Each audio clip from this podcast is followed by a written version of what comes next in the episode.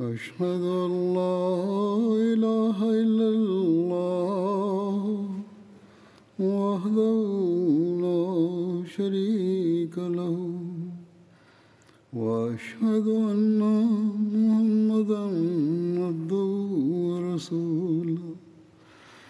أما بعد فأعوذ بالله من الشيطان الرجيم. بسم الله الرحمن الرحيم. الحمد لله رب العالمين. الرحمن الرحيم. مالك يوم الدين. إياك نعبد وإياك نستعين اهدنا الصراط المستقيم. صراط الذين أنعمت عليهم. غير المغضوب عليهم ولا الضالين.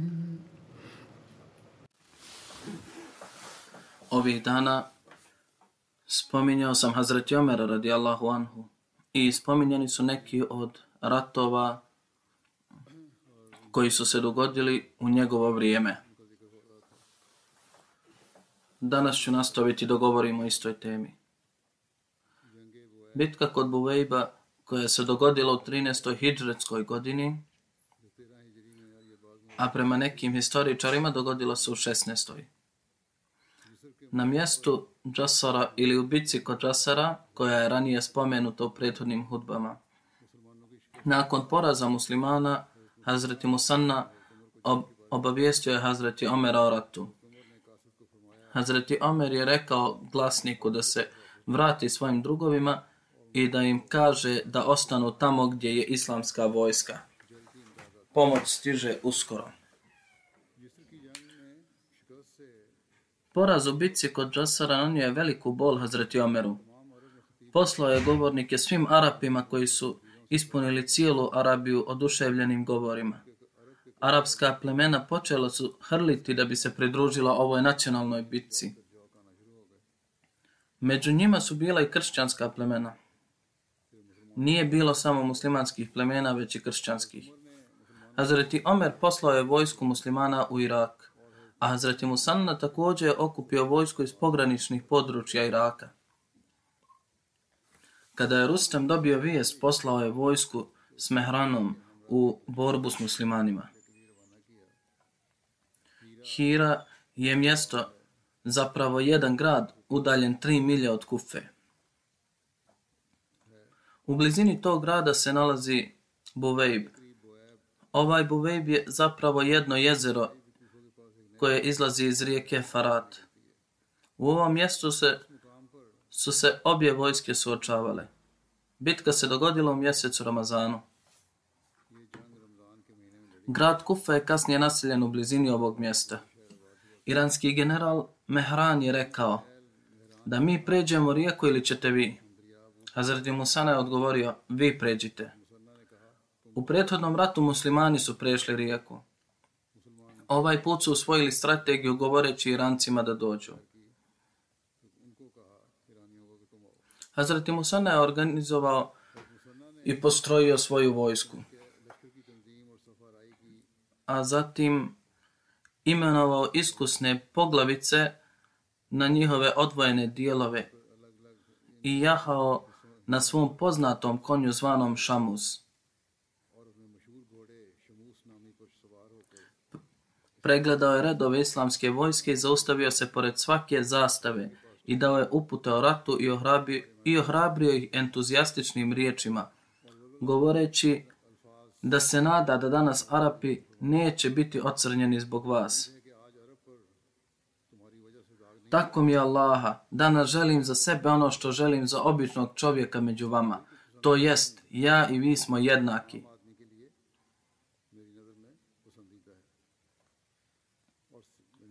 A najiskusniji vođe Islama oduševljeno su odgovorili na glas svog voljenog vođe, oduševljenim riječima. A zašto ne bi tako se odazvali kad se prema njima uvijek ponašao vrlo korektno u svakoj riječi i dijelu i pratio ih u udobnosti i nevolji? I nikad nije imao priliku i nikad niko nije imao priliku ni na šta prigovoriti. Hazreti Musana je uputio vojsku da će uzdignuti tri tekbira. Spremite se i pripremite se i napadnite neprijatelje čim čujete četvrti tekbir. Kada je Masana prvi put uzviknuo tekbir, iranska vojska je brzo napala. Stoga su i muslimani požurili nakon prvog tekbira. Nakon plemena Banu Adžal, ljudi su napustili svoje redove i pošli u borbu. Tako su se redovi poremetili. Hazreti Musana poslao je poruku preko čovjeka, rekavši da je poruka bila da emir vojske pozdravlja i kaže da ne sramote muslimane danas.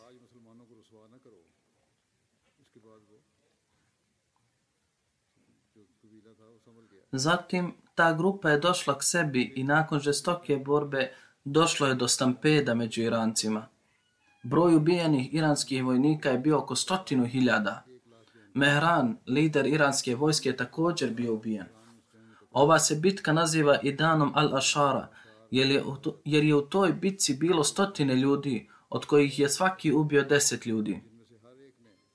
Iranska vojska je poražena i potrčala je prema mostu kako bi prešla rijeku i otišla do njenog sigurnog područja. Ali Hazreti Musana krenuo je za njima sa svojim odredom i opkolio ih prije nego što su prešli most i slomio most, ubivši mnogo iranskih vojnika. Kasnije Hazreti Masana izražavao žaljenje govorivši što sam progonio poraženi narod. Nisam to trebao raditi. Govorio je da je to bila velika greška. Nisam trebao da se borim sa onima koji nisu imali snage da se brane.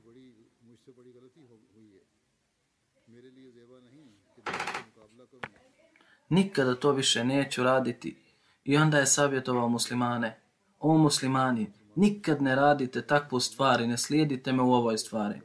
Ovo je greška koju sam ja napravio. Da slijedim one koji su bježali. Nije se to trebalo desiti tokom borbe. Ovo je pravi islamski moral. Neke od vodećih figura islamske vojske poput Halida bin Hilala i Masuda bin Harisa također su postali šehidi u ovoj bitci. Hazret Musana je predvodio dženazu šehida i rekao je Tako mi Allaha, moja bol i tuga je ublažena činjenicom da su se ti ljudi pridružili ovom ratu. Ponašali su se smjelo i hrabro i ostali nepokolebljivi i nisu imali straha.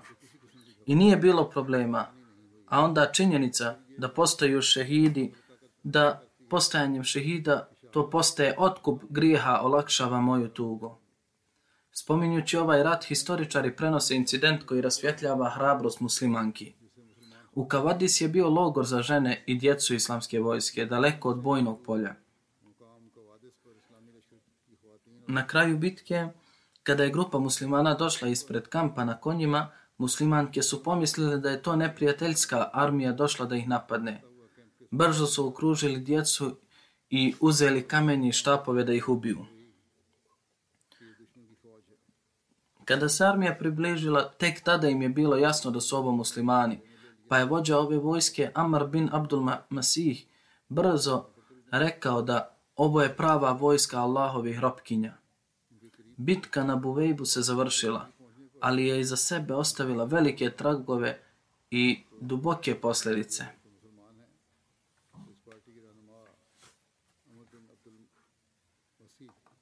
Islamska vojska nikada prije nije pretrpjela toliko gubitaka na iranskom pohodu.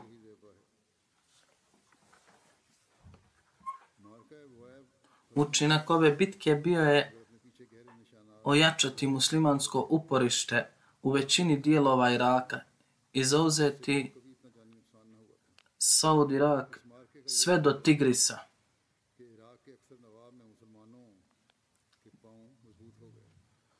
a nakon manjih okršaja muslimani su povratili kontrolu nad okolnim područjima, a Iranci su se povukli na drugu stranu Tigrisa.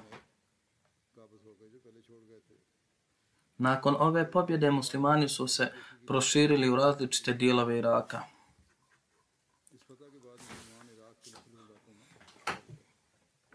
Onda se desila bitka na Kudsi, koja se desila 14. hidžretske godine.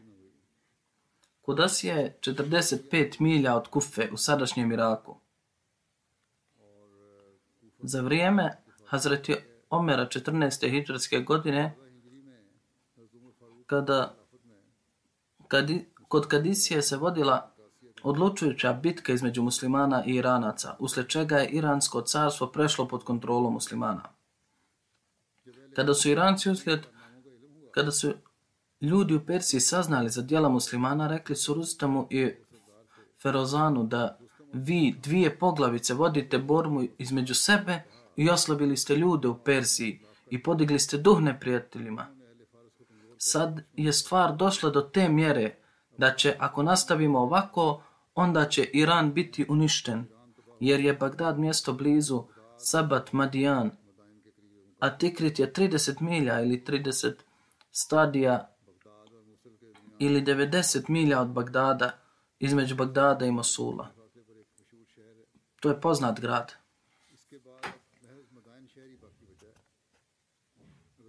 Nakon toga mi jedino nakon toga bi jedino grad Medijan ostao. Ako se vas dvoje ne složite, rekli su, prvo ćemo vas ubiti, a zatim ćemo ubiti sebe i naći mir.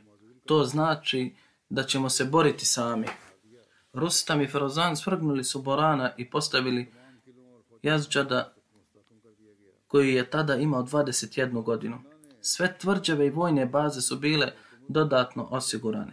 Kada je Hazreti Musanna obavijestio Hazreti Omera o ovim aktivnostima naroda Persije, rekao je, tako mi Allaha, natjerat ću kraljeve koji nisu Arapi da se natječu s carevima i kraljevima Arapa.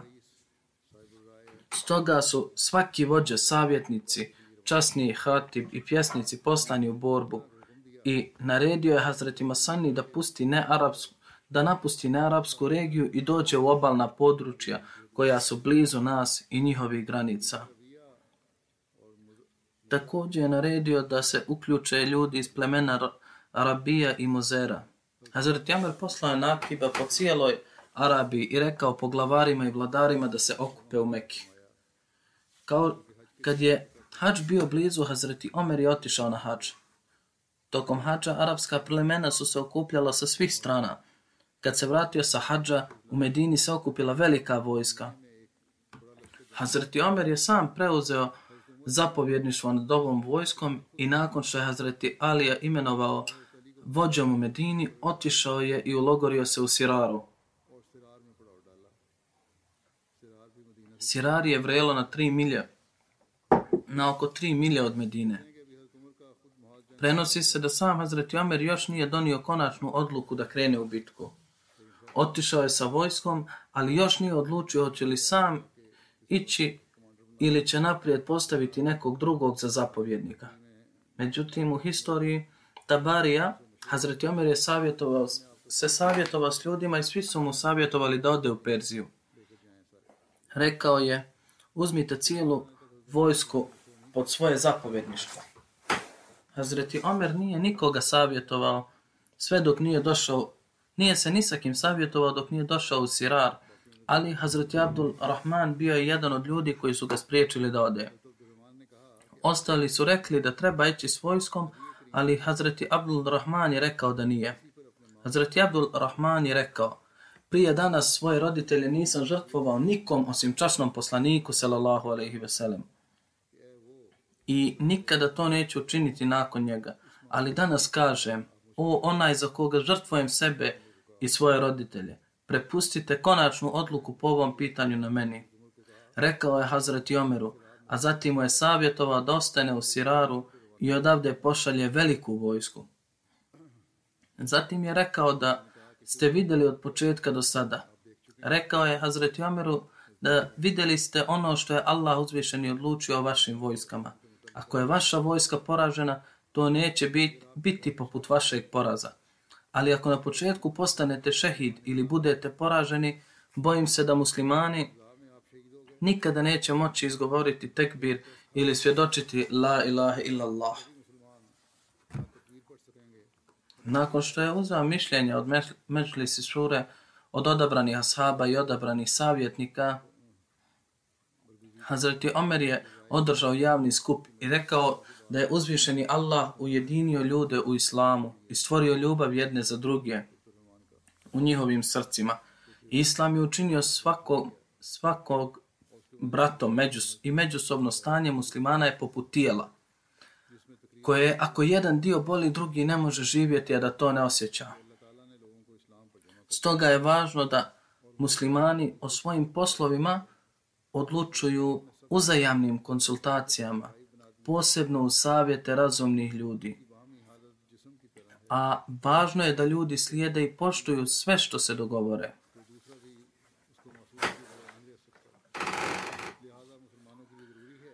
Neophodno je da vođa prihvati savjete ljudi i savjetnika.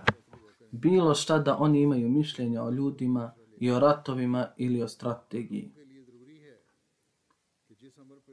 Hazret Jamer je rekao, o ljudi, želi, želio sam biti s vama kao pojedinac poput vas. Želio sam se pridružiti ratu. Ali mišljenje ljudi od vas me spriječilo u tome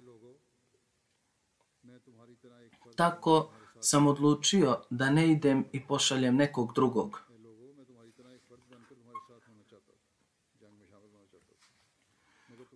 U to vrijeme je Hazret Omer nekoga tražio.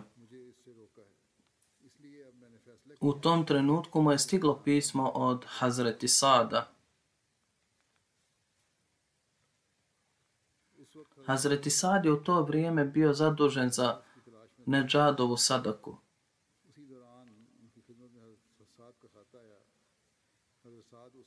Hazreti Omer je rekao, dajte mi čovjeka za zapovjednika. Hazreti Abdul Rahman je rekao, imate ga. Hazreti Omer je pitao, ko je on?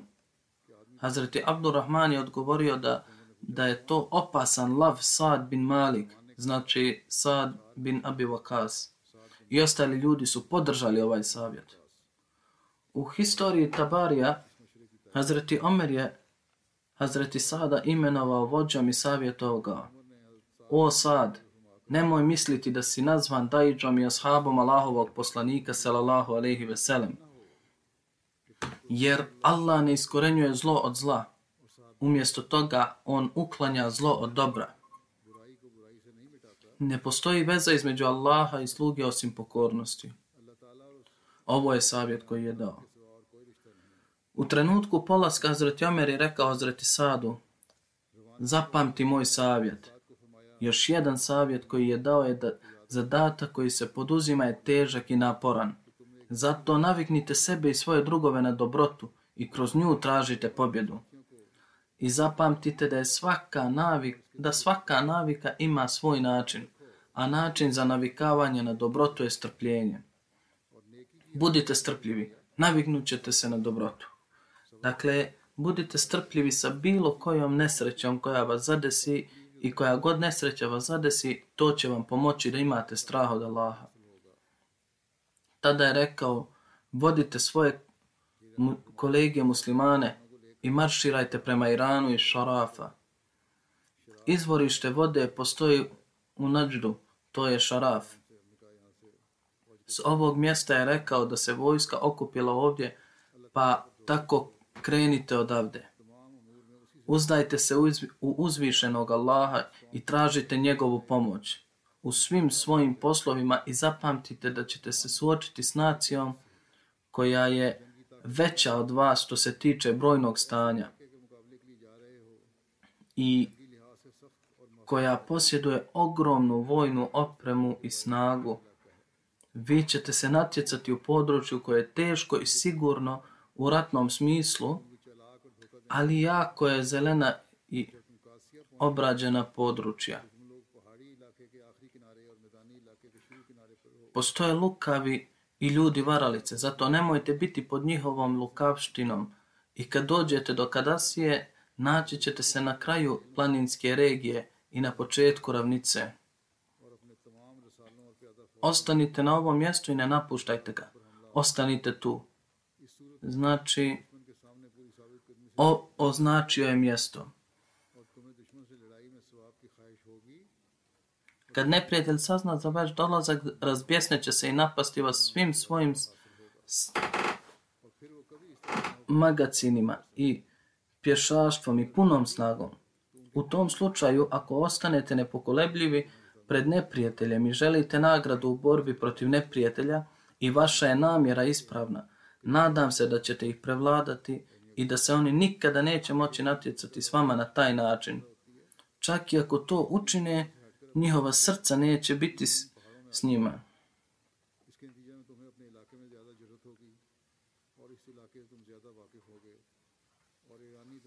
Borit će se sa uplašenim srcima, a ako postoji bilo koji drugi način, onda se odmaknite od ravnica najbližih ira, iranskom teritoriju, odnosno ako postoji oblik povlačenja ili postoji oblik poraza. Volja kao rezultat toga imat ćete više hrabrosti u svom području i bit ćete upoznati s tim područjem, a Iranci će se bojati vašeg područja i bit će im nepoznati sve dok svemogući Allah ne stvori priliku i odluči vašu pobjedu protiv njih. Vjerova, opet vjerova je da će se pobjeda sigurno dogoditi. Čak i ako se pojavi takva privremena situacija, konačna pobjeda je vaša. Stoga su se svi pokreti ove vojske odvijali u skladu s detaljnim naredbama Hazreti Omera iz Medine. Pa je Tabari napisao. Hazreti Omer je također odredio datum odlaska vojske iz Šarafa, a također je naložio da se nakon dolaska do Kadisije vojska stacionira između mjesta Azibul Hadžanat i Azibul Kavadis. I tamo se vojska treba raširiti na istok i zapad. Uzjeb je i vodeni mlaz između Kadasije i Magise, koji je udaljen 4 milje od Kadisije i 32 milje od Magise. Iz pisma Hazreti Omera, Hazreti Sadu bin Abi Vakasu, poznato je da su postojala dva uzjeba. Također je poznato iz historije. Hazreti Omer poslao je Hazreti Sadu bin Abi Vakasu Vakasa u Iran sa 4000 muđahedina. Kasnije su se pridružile 2000 jemenaca i 2000 nađdija. U, u putu 3000 ljudi iz Banu Asada i Ašaz bin Kajs Kandija pridruži, pridružilo se 1700 jemenskih vojnika. Broj muslimanskih voj, broj muslimanske vojske postepeno se povećao na više od 30.000. Znači, ove vojske, značaj ove vojske može se procijeniti iz činjenice da je imala 99 ashaba koji su se pridružili časnom poslaniku sallallahu alejhi ve sellem u bitci na Bedru. Tabari je naveo da je njihov broj bio više od 70. Više od 309, više od 310 bilo je onih koji su imali privilegiju biti u društvu poslanika od početka islama do zavjetovanja vjernosti riz, na Rizvanu. Bilo je 300 ashaba uključenih u osvajanju Mekke. Bilo je 700 koji nisu bili ashabi, ali su bili ponosni da su djeca ashaba. Hazreti Sa'd bin Abi Wakaz stigao je do Šarafa i ulogorio se. U blizini mjesta Zukar Kufa nalazi se vodeni mol. Masana je bio sa 8000 ljudi koji su na njemu čekali pomoć muslimana i istovremeno je preselio na Ahiret. Za svog nasljednika imenovao je Bašira bin Hasasiju. Masana je tamo preselio. Došavši u Šaraf, Hazreti Saad poslao je Hazreti Omeru detaljne detalje o formiranju vojske. Na to je sam Hazreti Omer odredio poredak vojske i napisao u pismu da cijelu vojsku treba podijeliti na deset grupa muđahedina i nad njima postaviti jednog nadglednika i na tim vojnicima postaviti višeg oficira, a zatim njihov broj izračunajte i pošaljite ih u Kadisiju. Hazreti Omer je naredio Sadu da Mugira bin Šubu i njegovu vojsku treba zadržati pod svojom komandom pošaljite mi de detalje situacije nakon toga, a zatim obavještavajte o svakodnevnom razvoju ili situaciji koja će nastati. Hazreti Sad je rasporedio, rasporedio vojsku u skladu s ovim uputama i napisao je detaljne uvjete Hazreti Omeru. Imenovanje, imenovanje staratelja za svaki deset muškaraca bilo je pod istim sistemom koji je, praktici, koji je bio prakticiran u vrijeme časnog poslanika. U drugom pismu Hazreti Omer je napisao Hazreti Sadu Nastavite opominjati svoje srce i nastavite propovijedati i opominjati svoju vojsku. Budite strpljivi, budite strpljivi jer je nagrada od Boga prema namjeri. Budite pažljivi šta radite i šta želite da, da uradite. Budite veoma pažljivi. Tražite oprost od Allaha i učite La hulva kawwa al, al. Često. Napišite mi dakle do, napišite mi dokle je došla vaša vojska i ko je postavljen za zapovjednika neprijatelja u odnosu na vas. Jer neke upute koje sam želio napisati nisu mogle biti napisane samo zato što sam imao neke podatke o vama i vašem neprijatelju. Nisam u potpunosti obavješten o svim podacima pa ću vam dati više uputa pišite mi detaljno scene muslimanske vojske i stanja područja između vas i iranske prijestonice Medijan na takav način da to mogu vidjeti vlastitim očima. Odnosno, zapišite sve detalje i recite mi svako, svako vaše stanje.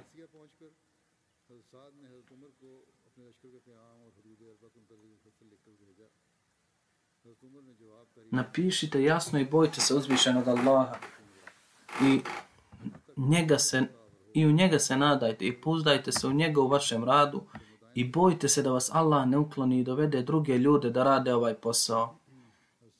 Uvijek se trebate bojati Allaha.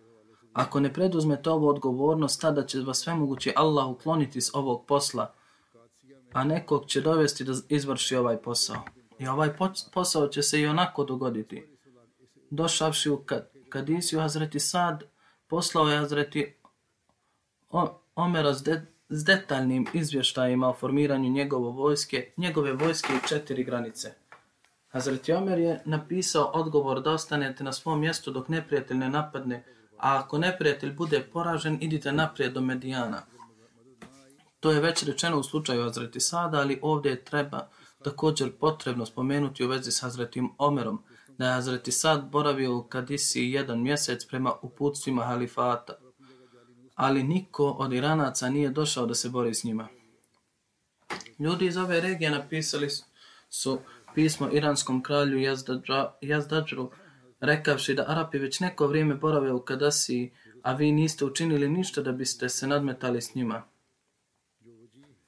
Uništili su područje do Eufrata i opljačkali stoku. Ako pomoć ne dođe, sve ćemo im predati. Nakon ovog pisma Jazdađar je nazvao Rustema, ali on je lukavim izgovorima izbjegao sudjelovanje u ratu i savjetovao da umjesto njega Džalinusa postavi za zapovjednika, ali kralj nije poslušao Rustema i morao je ići naprijed s vojskom. Hazreti Omer je napisao Hazreti Sadu da trebate poslati mudre ljude i hrabre ljude Rustemu da ga pozovu prema islamu.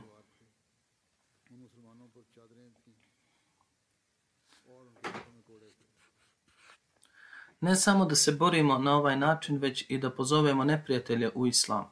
I rekao je da će uzvišeni Allah ovaj poziv učiniti izvorom, za, izvorom uvrede za njih i naš uspjeh. Piši mi pisma svakodnevno. Nakon toga Hazreti Sad je odabrao 40 eminentnih osoba i poslao ih kao veleposlanike na dvor Irana kako bi mogli iranskog šah Jazdiđara pozvati u islam. Muslimani su bili na konjima. Muslimani su imali čaršafe i u rukama bičeve. Prvo je Numan bin Mukrin razgovarao s kraljem. Zatim Mugira ibn Zarara. Mugira je rekao kralju da će biti rata s vama ili ćete morati platiti džiziju. Sada je na vama da platite džiziju dok priznate podređenost na nama ili budete spremni za rat. A treća opcija je da ako prihvatite islam, u tom slučaju zaštitit ćete se od svega. Na to je Jazdiđa rekao da nije zabranjeno ubijanje veleposlanika, ubio bih vas sad. Nećete ništa dobiti od mene, bježite odavde. Zatim je zatražio kantu zemlje i rekao, uzmi ovo od mene i naredio je da se protjeraju ovi veleposlanici izvan Madijana. Asim bin Amr je uzeo tu zemlju i otišao do Hazreti Sada i rekao, dobre vijesti, uzvišeni Allah nam je dao ključeve ove zemlje. Nakon nekoliko mjeseci nakon ovog incidenta, vladala je tišina s obje strane. Rustam je boravio u sabatu sa svojom vojskom i izbjegao rat uprskos insistiranju jazd, jazdađara. U više je navrata narod rekao jazdađaru da, da nas zaštiti ili ćemo postati poslušni Arapima. Prisiljen na to, Rustem je bio prisiljen ići naprijed, a iranske trupe su se povukle iz Sabata i ulogorile u polju Kadisija. Kad je Rustam napustio Sabat, njegova vojska brojala je 130.000, a sa sobom je imao 33 slona. Rustamu su trebala četiri mjeseca da stigne do Kadisije iz Medijana. Rustam je sutradan ujutru pogledao islamsku vojsku nakon logoravanja u Kadisiji i ponudio muslimanima povratak i mir. Rustam je rekao muslimanima, pomirite se i vratite se natrag. Muslimani su odgovorili, nismo došli tražiti savjet, naš, nego je naš cilj ahiret. Rustem je tražio da, muslima, da muslimanski zaslanici dođu kod njega na razgovor. Na Rustemovom dvoru položeni su izvrsni i dragoceni tepisi i urađena je kompletna dekoracija. Za Rustama je bio postavljen zlatni tron i bio je lijepo ukrašen tepisima i jastucima od zlatnih niti. U ime muslimana Rabi Ibn Amir je prvi otišao kod Rustama. Otišao je do Rustama na takav način da je uz pomoć koplja išao malim koracima zbog čega su se vrhom koplja pocepali tepih i dušek. Došao je do Rustema, sjeo i zakopao koplju u tepih. Hazreti Rabi je pred Rustema stavio tri stvari da ćemo vas ako prihvatite islam ostaviti za sebe i u tom slučaju nemamo ništa sa vašom zemljom. Vi sami ćete se pobrinuti za svoju zemlju. Ili nam platite džiziju, a nakon što je prihvatimo, mi ćemo vas zaštititi. Ako od ovih ponuda vi ne prihvatate ništa, onda četvrti dan ćemo ratovati. U ova tri dana nećemo započeti rat, ali ako vi započnete rat, bit ćemo prisiljeni uzvratiti. Sutradan je Hazreti Sad poslao Huzeifu bin Muhsina, također je ponovio tri stvari Hazreti Rabija. Trećeg dana je otišao Hazreti Mughira ibn Shubah, Kad je na kraju svog razgovora spomenuo Islam, Džeziju i borbu kao njegova prethodna dvojica, Rustem je rekao da ćete sigurno umrijeti. Na to je Hazreti Mugira rekao, kogod od nas bude ubijen, otići će u dženet. Ako god od vas bude ubijen, otići će u džehennem. Ako od vas preživi, ako od nas preživi, pobjedit će nad vama. Čuvši riječe Hazreti Mugire, Rustam se jako naljutio i zakleo se suncem i rekao je da prije nego da sutra sunce svane, mi ćemo vas sve prije toga pobiti. Čak i nakon Hazreti Muhire, Hazreti Sad poslao je nekoliko mudrih muslimana na dvor ostama, koji su se vratili na večer. Hazreti Sad naredio je muslimanima da zatvore front i poslao poruku Irancima da je vaš posao preći rijeku. Most su zauzeli Ira muslimani, pa su Iranci morali graditi most preko rijeke Atik negdje drugdje. Sutra ćemo slomiti muslimane, rekao je Rustem dok je prelazio most. Neki čovjek iz njegove vojske je rekao, ako Allah hoće. Možda je i on vero, vjerovao u Allaha. Na to je Rustem rekao, čak i ako Allah to ne želi, ne uzbillah, mi ćemo mljeti muslimane. Muslimani su kompletirali svoju postavu i za to vrijeme Azreti Sad se razbolio i dobio je čireve, a nije mogao ni sjesti zbog bolova i šjaza legao je na prsta, na prsa. Ispod grudi imao je jastuk kojim je vojsku gledao s krova, palače ili s mjesta izrade skele na drvetu. Hazreti Sad imenovao je Halida bin Arfata za svog zamjenika. Hazreti Sad se obratio muslimanima i ohrabrio ih na borbu, te ih podsjetio na Allahovo obećanje o pobjedi. Persijske vojske bile su na obalama rijeke Atik. To je također rijeka Atik koja teče iz Eufrata. A muslimanske snage bile su u zid i rov Kodisa, Kudejsa. Kudejs je kompleks u blizini Kadisije, oko kilometar od rijeke Atik. 30.000 iranske vojske je bilo okovano lancima, što znači da niko nije imao priliku da pobjegne. Hazreti Sad naredio je muslimanima da uče suru Anfal. Kako se u... Kada se učenje završilo, muslimani su osjećali mir. Nakon podne namaza izbila je borba između muslimana i persijanaca. I persijanaca. Oni su nanijeli mnogo štete muslimanima. Pozvavši strijelce iz plemena Benu Tamim, Tamim, Hazreti Asim je rekao da svojim strijelama napadne jahače na slonove i rekao hrabrim vojnicima da odu iza slonova i presjeku njihova nosila. Dakle, ni jedan slon nije ostao sa prtljagom i jahačem na vrhu. Borbe su se nastavile do zalaska sunce. Prvog dana 500 muslimana iz plemena Benu Asad je šehidilo. Ovaj dan se naziva Armasov dan. Sljedećeg dana Hazreti Sad je sahranio sve šehide i ranjene predao ženama kako bi mogle brinuti o njima.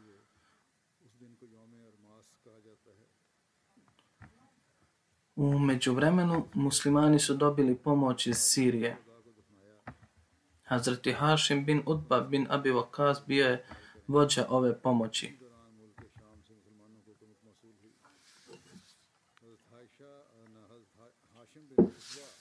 Na njegovom prednjem dijelu bio je Na njihovom prednjem dijelu bio je Amir Hazreti Kaka bin Umaru.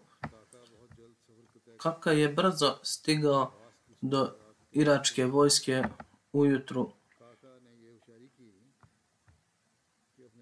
Kaka je pažljivo podijelio svoju prethodnicu u grupe od deset vojnika koji se kretali na određenoj udaljenosti. A ovih deset trupa neizmenično im se približ, približavale pri, ne, neizmenično im se pridružila islamska vojska. Dolaskom svakog odreda podignu uzvikivanje tekbir i činilo se da islamska vojska dobiva stalnu podršku. Hazreti Kaka je sam stigao na početku. Čim je stigao, pozdravio je muslimane i najavio dolazak vojske i rekao Rekavši to, nastavio je i zahtijevao borbu. Čuvši to, Bahman Džazvija je izašao na borbu. Njih dvojica se potukli i Hazreti Kaka ga je ubio. Muslimani su bili vrlo sretni ubistvom Bahmana Džazvije i muslimanskom vojskom za pomoć. Izreka Hazreti Ebu Bekra o Zretikaku bila je da je nepobjediv, odnosno neporažen u vojsci u kojoj je osoba poput njega.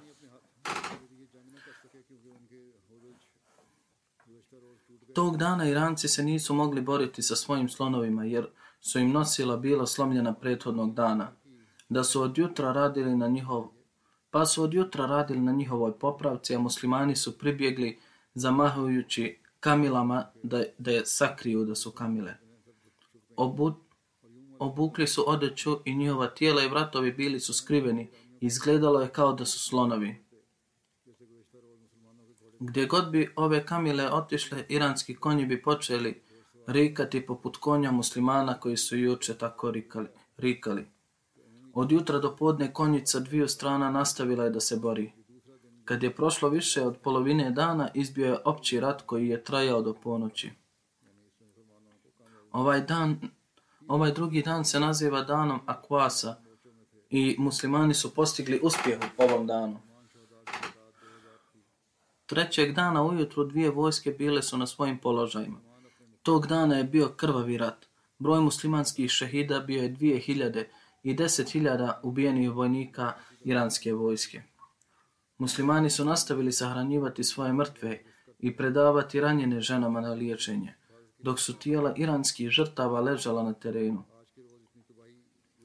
Te noći Iranci su nastavili popravljati sjedala na svojim slonovima. Pješadija je bila tu da zaštiti slonove, ali danas nisu mogli napraviti toliko pustoš kao prvog dana. Hazreti Sad poslao je poruku Hazreti Kaki i Hazreti Asimu da potjeraju bijelog slona Iranaca. S obzirom na to da mu je odsječen prtljažnik, a zatim su ga oborile strijele, tada su drugi muslimani bacili koplja u oči drugog slona. Ponekad bi pobjegao i pridružio se vojsci muslimana i uboli bi ga vrhom koplja, a ponekad bi se pridružio vojsci Iranaca, a oni bi ga uboli kopljem. Na kraju je slon zvan Ajrab potrčao prema rijeci Atik i kada, ga je, i kada su ga vidjeli, drugi slonovi su također skočili u rijeku iza njega i oni su umrli zajedno sa svojim jahačima. Borbe su se nastavile sve do zore. Ovo se, ovaj dan se zove Amasov dan. Poslije jacije namaza opet je započela žestoka borba. Kaže se da se u to vrijeme čuli zvuci mačeva kao da se u kovanicama seče željezo. Hazreti Sad je također bio budan cijelu noć i nastavio je moliti Allaha. Arapi i nearapi nikada nisu svjedočili takvom događaju. Muslimani su dočekali jutro sa punom snagom i, pre, i prevladali su. Sljedećeg jutra nakon te noći svi su bili umorni jer su bili budni cijelu noć. Ovo, ova noć se zove Lejlet al-Harir. Razlog tome je što muslimani noću nisu razgovarali, već su samo šaputali. Značenje Harire, Harire također je zapisano kao da iz luka izlazi lagani zvuk kad se strijela ispuca i zvuk mlina lagano dopire. Čak i tabari, čak i u tabari razlog zemlje Lejlat al-Hirar je taj što su se muslimani hrabro borili od noći do jutra. Nisu govorili glasno, već polako, zbog čega je noć pozna, postala poznata kao Lejlat al-Hirar. Međutim, četvrtog jutra borbe su se nastavile do podneva, a Iranci su se nastavili povlačiti. Nakon čega je Rustem napadnut i pobjegao do rijeke Akik. Kada je skočio u rijeku, musliman po imenu Hilal grabio ga je, izvukao na zemlju i ubio. Tada je musliman koji je ubio Rustema počeo objavljivati da, da ga je ubio. Dođi k meni, dođite k meni, Muslimani su ga okružili sa svih strana i uzvikivali tekbire.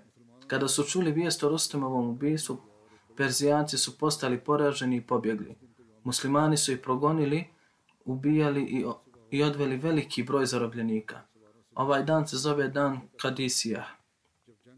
Hazreti Omer je svako jutro pitao jahače koji su izlazili iz terena o bici kod Kadisije kada je glasnik koji je donio radosnu vijest o ratu rekao da je Allah pobjedio muš, mušrike, Hazreti Omer je trčao i dobivao informacije dok se glasnik vozio na svojoj kamili, a on nije ni znao da je on Hazreti Omer.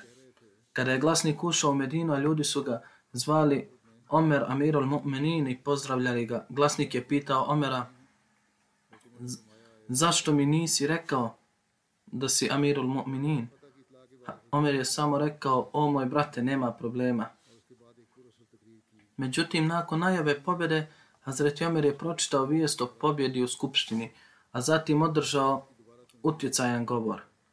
Naredio je da vojska ostane na mjestu i da se vojska reorganizira i da se riješe druge stvari.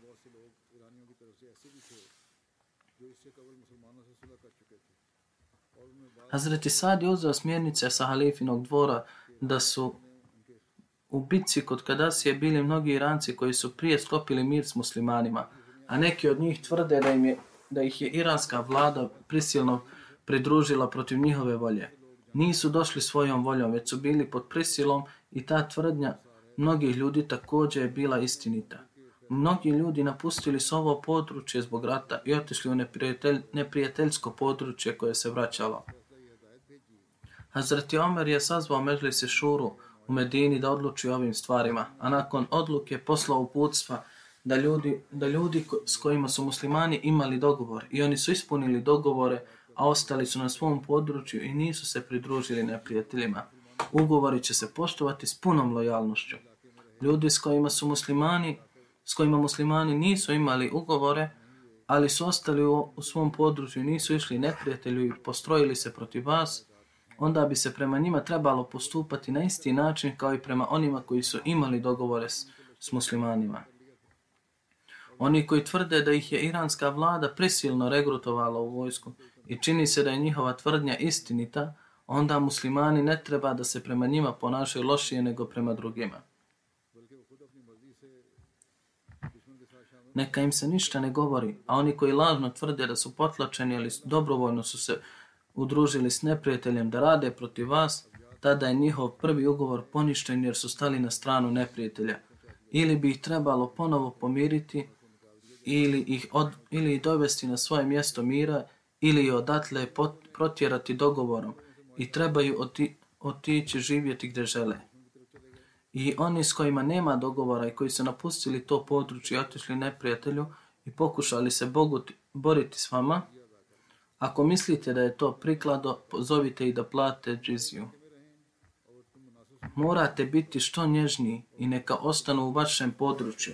A ako mislite da je to prikladno, nemojte izvati. I ako će se oni nastaviti boriti protiv vas, onda vi nastavite borbu protiv njih.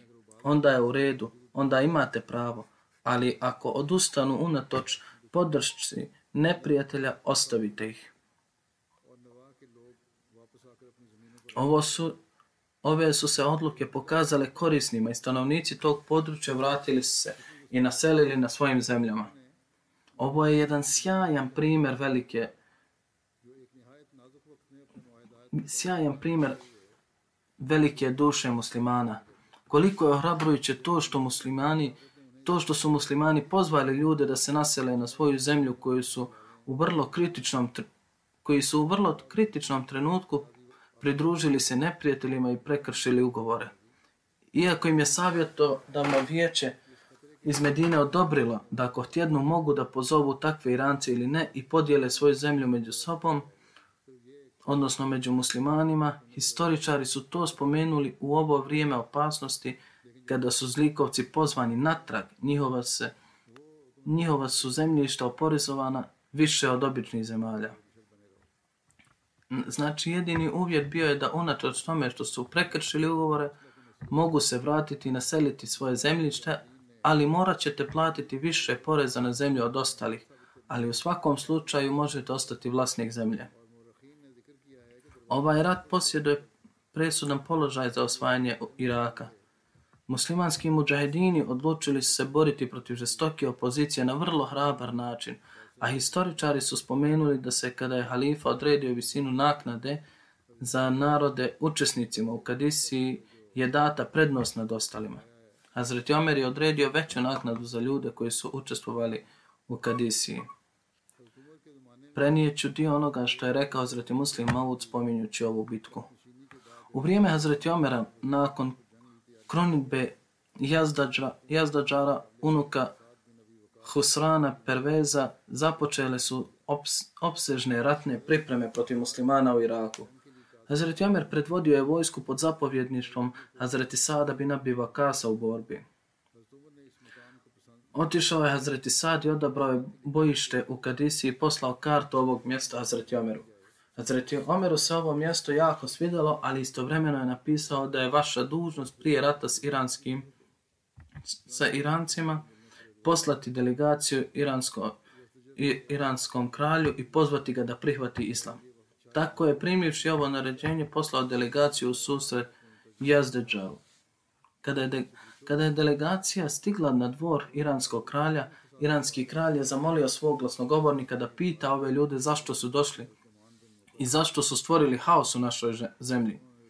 Kada je postavio ovo pitanje, šef delegacije Hazreti Numan ibn Mukrin ustao je i govorio o dolasku časnog, o ča, dolasku časnog poslanika i da je časni poslanik sallallahu alejhi ve sellem naredio da širimo islam u svijetu i pozivamo ljude da se pridruže pravoj religiji. Prema ovom naređenju također, također smo došli da pozovemo i vas da se pridružite islamu. Jazdađar je bio bijesan zbog ovog odgovora. Rekao je, vi ste divlja i mesožderska nacija. Ako su vas gladi siromaštvo natjerali da izvršite ovaj napad, spreman sam vam dati sve dovoljno hrane i pića kako biste mogli živjeti sa zadovoljstvom, a daću vam i odjeću koju ćete nositi. Uzmite ove stvari i vratite se u svoju zemlju. Zašto želite izgubiti živote boreći se s nama? Kada je završio govor, Hazreti Muhira bin Zarara ustao je u ime islamske delegacije i rekao Ovo što ste rekli o nama je apsolutno tačno. Bili smo divljačka i mesožderska nacija, jeli smo zmije i škorpione, pa čak i skakavce i guštere, ali Allah nas je blagoslovio i poslao nam svog poslanika da nas uputi. Vjerovali smo u njega i postupali prema njegovim riječima što je rezultiralo revolucijom u nama. A sada nemamo mana koje ste spomenuli. Sada nismo spremni ni za jedno iskušenje. Započeli smo rat s vama. Sad će se odlučiti na bojnom polju, ako je ovo za vas prihvatljivo. Ako vi ne prihvatate poziv i želite se boriti s nama, tada ćemo se bi i mi boriti. Posle, pohlepa svjetovnih dobara ne može nas priječiti u našim namjerama. Kada je Jazdađar to čuo, jako se naljutio i rekao jednom od sluga da ode po vreću zemlje. Kada je došla vreća zemlje, nazvao je vođu islamske delegacije i rekao Bud, budući da ste odbili moju ponudu, sada ne možete dobiti ništa osim ove vreće zemlje. Ashab je vrlo ozbiljno postupio. Sagnuo je svoju glavu kao što je ranije spomenuto, ali ovo je malo više detalja. Sagnuo je svoju glavu i tovario je vreću zemlje na leđa. I brzo je otišao sa dvora i rekao svojim saputnicima u sav glas da nam je danas iranski kralj svojom rukom predao tlo svoje zemlje, a zatim je izjurio na konju.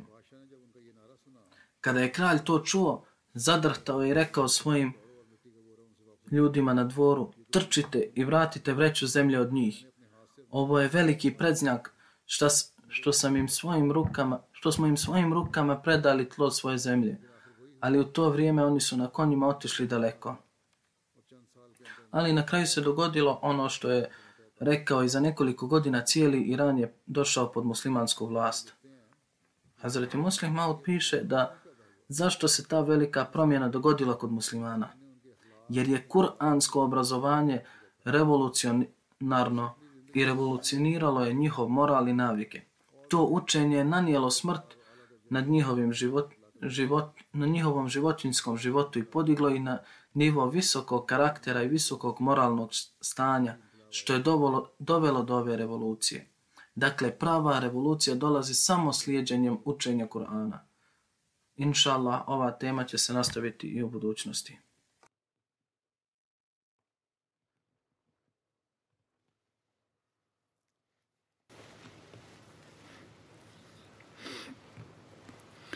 الحمد لله الحمد لله نحمده ونستعينه ونستغفره ونؤمن به ونتوكل عليه ونعوذ بالله من شرور أنفسنا ومن سيئات أعمالنا. من يهده الله فلا مضل له ومن يضلل فلا هادي له. ونشهد أن لا إله إلا الله. ونشهد أن محمدا عبده ورسوله. عباد الله رحمكم الله. إن الله يأمر بالعدل واللسان وإيتاء ذي القربى وينهى عن الفحشاء والمنكر والبغي يعظكم لعلكم تذكرون. اذكروا الله يذكركم ودوه يستجب لكم ولذكر الله أكبر.